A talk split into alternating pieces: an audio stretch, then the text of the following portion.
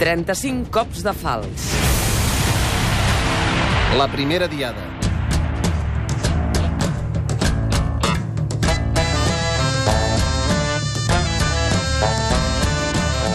Es produeix l'11 de setembre de 1886.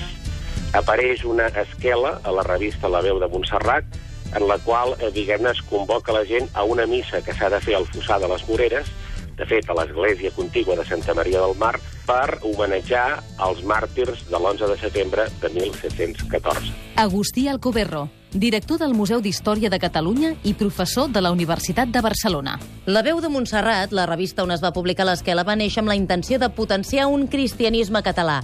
I darrere la convocatòria no hi havia una sola persona. No està, diguem-ne, signada, és a dir, no hi ha una entitat amb nom i cognom que aparegui al darrere, però sí que sabem que es tractava d'un dels molts grups catalanistes d'aquell moment. Aleshores, ja com ara el catalanisme es dividia en un sector més, diguem-ne, conservador i catòlic i un sector més pròpiament progressista, i en aquest cas és un col·lectiu del, del primer sector eh, vinculat a la revista La veu de Montserrat, el que, eh, diguem-ne, fa aquesta primera, primeríssima convocatòria. Si tirem enrere, però, veiem que el record dels fets del 1714 no va començar amb la primera diada. Era un record permanent, però sense una data concreta. De fet, el Fossar de les Moreres ja era un lloc de memòria. Sense anar més lluny, el poeta Frederic Soler, amb el pseudònim Serafí Pitarra, li havia dedicat un poema. D'on surt allò que no s'hi enterra cap traïdor?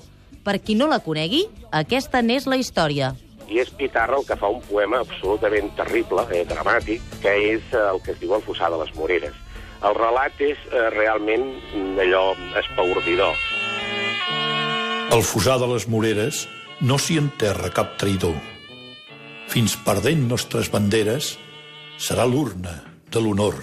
Estem davant d'un enterramorts, un senyor gran que l'únic servei que pot fer al país és fer d'enterramorts i el seu net. I aleshores ell proclama que només enterrarà al fossar aquells que siguin eh, realment patriotes i no pas cap traïdor. En aquell moment, diguem-ne, porten el cos, el cadàver del fill de- d'aquest senyor gran, per tant, del, del, del pare del, del net, i ve amb uniforme borbònic. I en aquest moment, doncs, ell exclama clarament que al fossar de les Moreres no s'hi enterra cap traïdor, etc. És a dir, gran poema que la gent ha conegut. Jo crec que aquesta exacerbació literària té a veure amb aquesta celebració de la primera diada perquè es va convertir l'espai al fossar de les Moreres no en un cementiri més com els altres, sinó en l'últim o en l'element clau, el cementiri de la dignitat de l'última diada. Son dol no el feia commoure i l'alier... Per tant, el Fossar ja era un lloc emblemàtic, però la novetat, amb l'esquela del 1886, va ser commemorar l'espai un 11 de setembre. Si teniu curiositat per veure com era aquesta esquela, la convocatòria de la primera dia de Catalunya, ho teniu fàcil. De fet, al Museu d'Història de Catalunya, la gran exposició que tenim, que és 311 de setembre, té l'únic exemplar que avui conservem d'aquesta esquela de 1886 i, per tant, qui vulgui eh, la pot veure. Fou traïdor a Catalunya. A on l'enterrem? A fora. El Fossar de les Moreres no s'hi enterra cap traïdor. Fins perdent nostres banderes serà l'urna de l'honor.